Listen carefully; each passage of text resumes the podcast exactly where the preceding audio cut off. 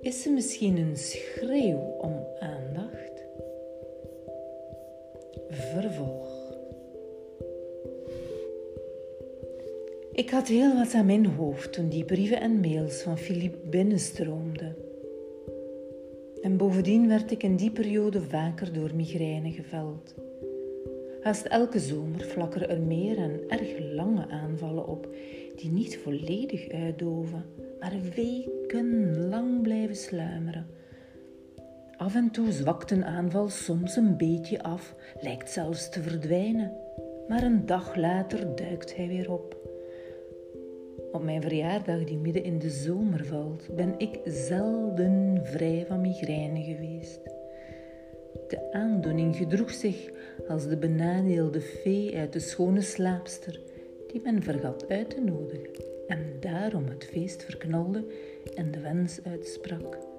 Bij elk feest zal ze migraine hebben. Want zo is het ongeveer. Maar ook bij collega's hoor ik dat. Wanneer we enthousiast ergens naartoe leven, is het van dat. En toen Geert en Philippe op 17 september in Angoulême aankwamen, zat ik midden in zo'n lang gerekte aanval. Hij was kleverig, onsamenhangend en wilde maar niet overgaan. Toch liet ik niet na mijn vrienden die dag aan het station op te halen. En ik forceerde mezelf door met hen diezelfde avond te gaan zwemmen in de Tardoire, die er even droog bij lag als mijn hersenen. Daarna bakte ik diepvriespizza, aten we samen en bracht ik hen naar hun verblijf dat tien kilometer verderop lag. De dag na hun aankomst had ik het knap lastig. Maar ik wilde hen zien, de tijd met ze delen. Ik was oprecht blij met hun komst. Die eerste dag belde Philippe me in paniek op. Hij kon de weg niet vinden en was helemaal overstuur geraakt. Hij vloekte op alles en vervloekte de mensen aan wie hij de weg had gevraagd, want die hadden gelogen. Ik kende de buurt op mijn duimpje en wist na een korte beschrijving van de omgeving ze makkelijk te vinden. Ik fietste tot waar ze zich verloren waanden en herkende meteen die typische toeristische angstige blik van verwarring door de impact van een ongekende omgeving. Angst die ik ook heb wanneer ik me verloren waan en de rillingen voel van controleverlies wanneer ik niet sterk genoeg ben om me over te geven aan het ongewisse. Bij een ander ziet het er belachelijk uit.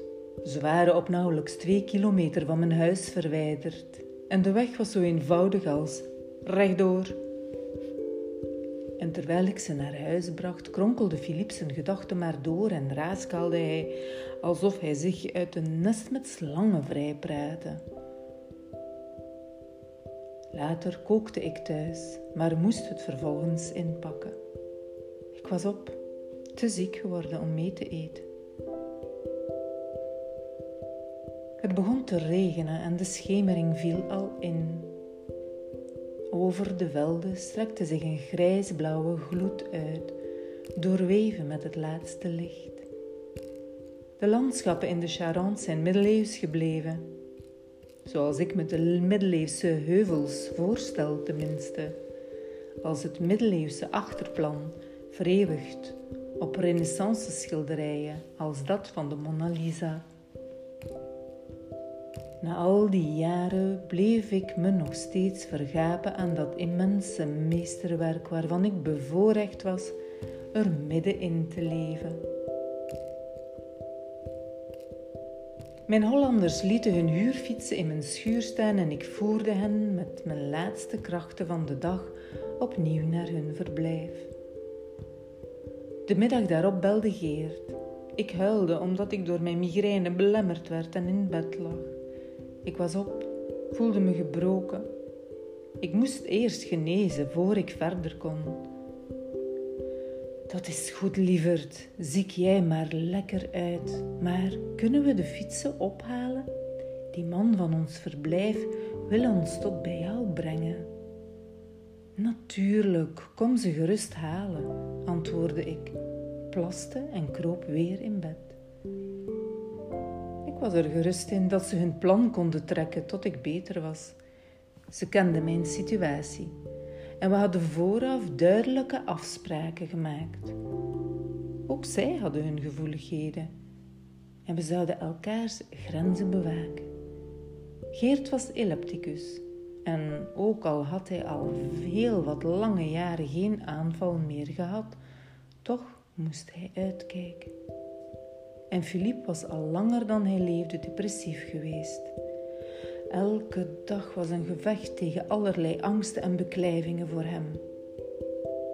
We hadden elkaar gevonden en we meenden dat het geen probleem kon zijn elkaar te begrijpen wanneer een van ons moest opgeven en bekomen. Ik was de eerste die opgaf. Het liefste was ik overal met ze meegegaan. Ik zou ze overal naartoe brengen, waar ze maar wilden. Dat dat al meteen in het water viel, was voor mij het ergste van deze aanval. Toen ze hun fietsen kwamen ophalen, brachten ze ongevraagd hun gastheer mee binnen. Die begon een lang betoog en sprak erg luid. Hij legde uit hoe de fietsen werkten en bleef datzelfde altijd maar herhalen en herhalen. Telkens als hij eindigde met oké, hoopte ik dat het oké zou zijn en hij mijn erf zou verlaten. Maar oké was lang niet oké genoeg en hij bleef maar met zijn klokken onder mijn slaapkamerraam luiden. Eerst werd ik nerveus en daarna kwaad. Ik was vooral aangeslagen dat er geen rekening met me werd gehouden. Na een drie kwartier opende ik mijn luiken en riep dat het nu wel oké moest zijn, dat ze niet stom waren en dat het welletjes was. De man ging er geschrokken vandoor. En dat zouden zij, zoals was afgesproken, ook doen. Maar in de plaats daarvan gingen ze in de voortuin zitten en sloegen gezellig aan het praten. Ze vezelden en dronken water. Misselijk van de kleffe migraine gonsde het gefluister als een nest bijen in mijn hoofd. Ik verdroeg het nauwelijks. Gefixeerd lag ik te wachten op hun vertrek. Maar ze bleven maar gezellig onder de pergola zitten. Uiteindelijk sukkelde ik naar beneden met mijn pispot aan mijn arm. Waarom zijn jullie hier nog? vroeg ik bars. We gaan zo meteen, lieverd. We drinken een glas water.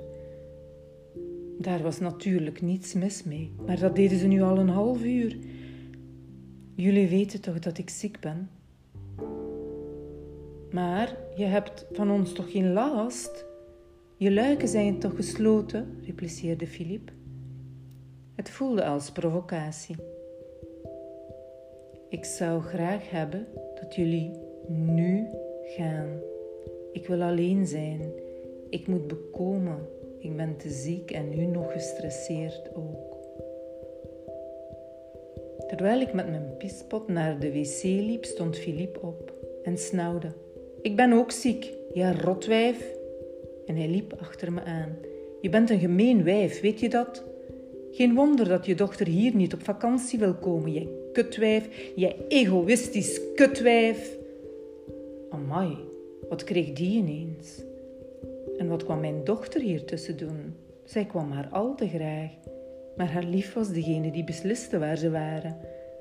Zijn ouders hadden een groot huis op 200 kilometer van mij vandaan, in het departement de Lotte, waar ze een eigen appartement hadden en waar een zwembad was. Hier was niet eens een extra kamer voor hen. Ik nam het hen niet kwalijk. Als ze kwamen, sliepen ze, net als andere bezoekers, in mijn kamper. Ik rilde over mijn hele lijf, niet om zijn verwijten, die waren te plat om ze ernstig te nemen, maar vanwege het onmogelijke aan deze situatie. Willen jullie nu weggaan, alstublieft? Ik smeekte uit haast en schuifelde naar de wc, leegde de emmer, liet er in de keuken water in lopen. Het zou hen voldoende tijd geven om op te stappen. Daarna zou ik eindelijk kunnen rusten. In de tuin pingpongde Philips zenuwachtige met de rustige stem van Geert. Ik liep wat op en neer. Mijn hart bonsde. Toen passeerde ik het stapeltje geschenken dat ik gisteren van ze gekregen had. Ik bekeek de boeken, de prentjes en de munten en het papier dat er met liefde was om en afgedaan. Kutwijf, hoorde ik Philip zeggen. Kutwijf, zei hij dat weer? Maar ik kan toch geen geschenken aannemen van een bescheten intellectueel uit het noorden die mij kutwijf verwijten naar mijn kop slingert? Het ene moment word ik overladen met geschenken, het volgende scheldt hij mij als een vulgaire viswijf uit. Waarom sta ik te trillen op mijn benen in mijn eigen huis? Waarom staat die Amsterdammer zo gemeen te brullen? En dat terwijl ik al zo'n last heb. Het raasde maar door in mijn hete hoofd. En toen mijn hoofd het kookpunt bereikte, kwam het op een stom idee.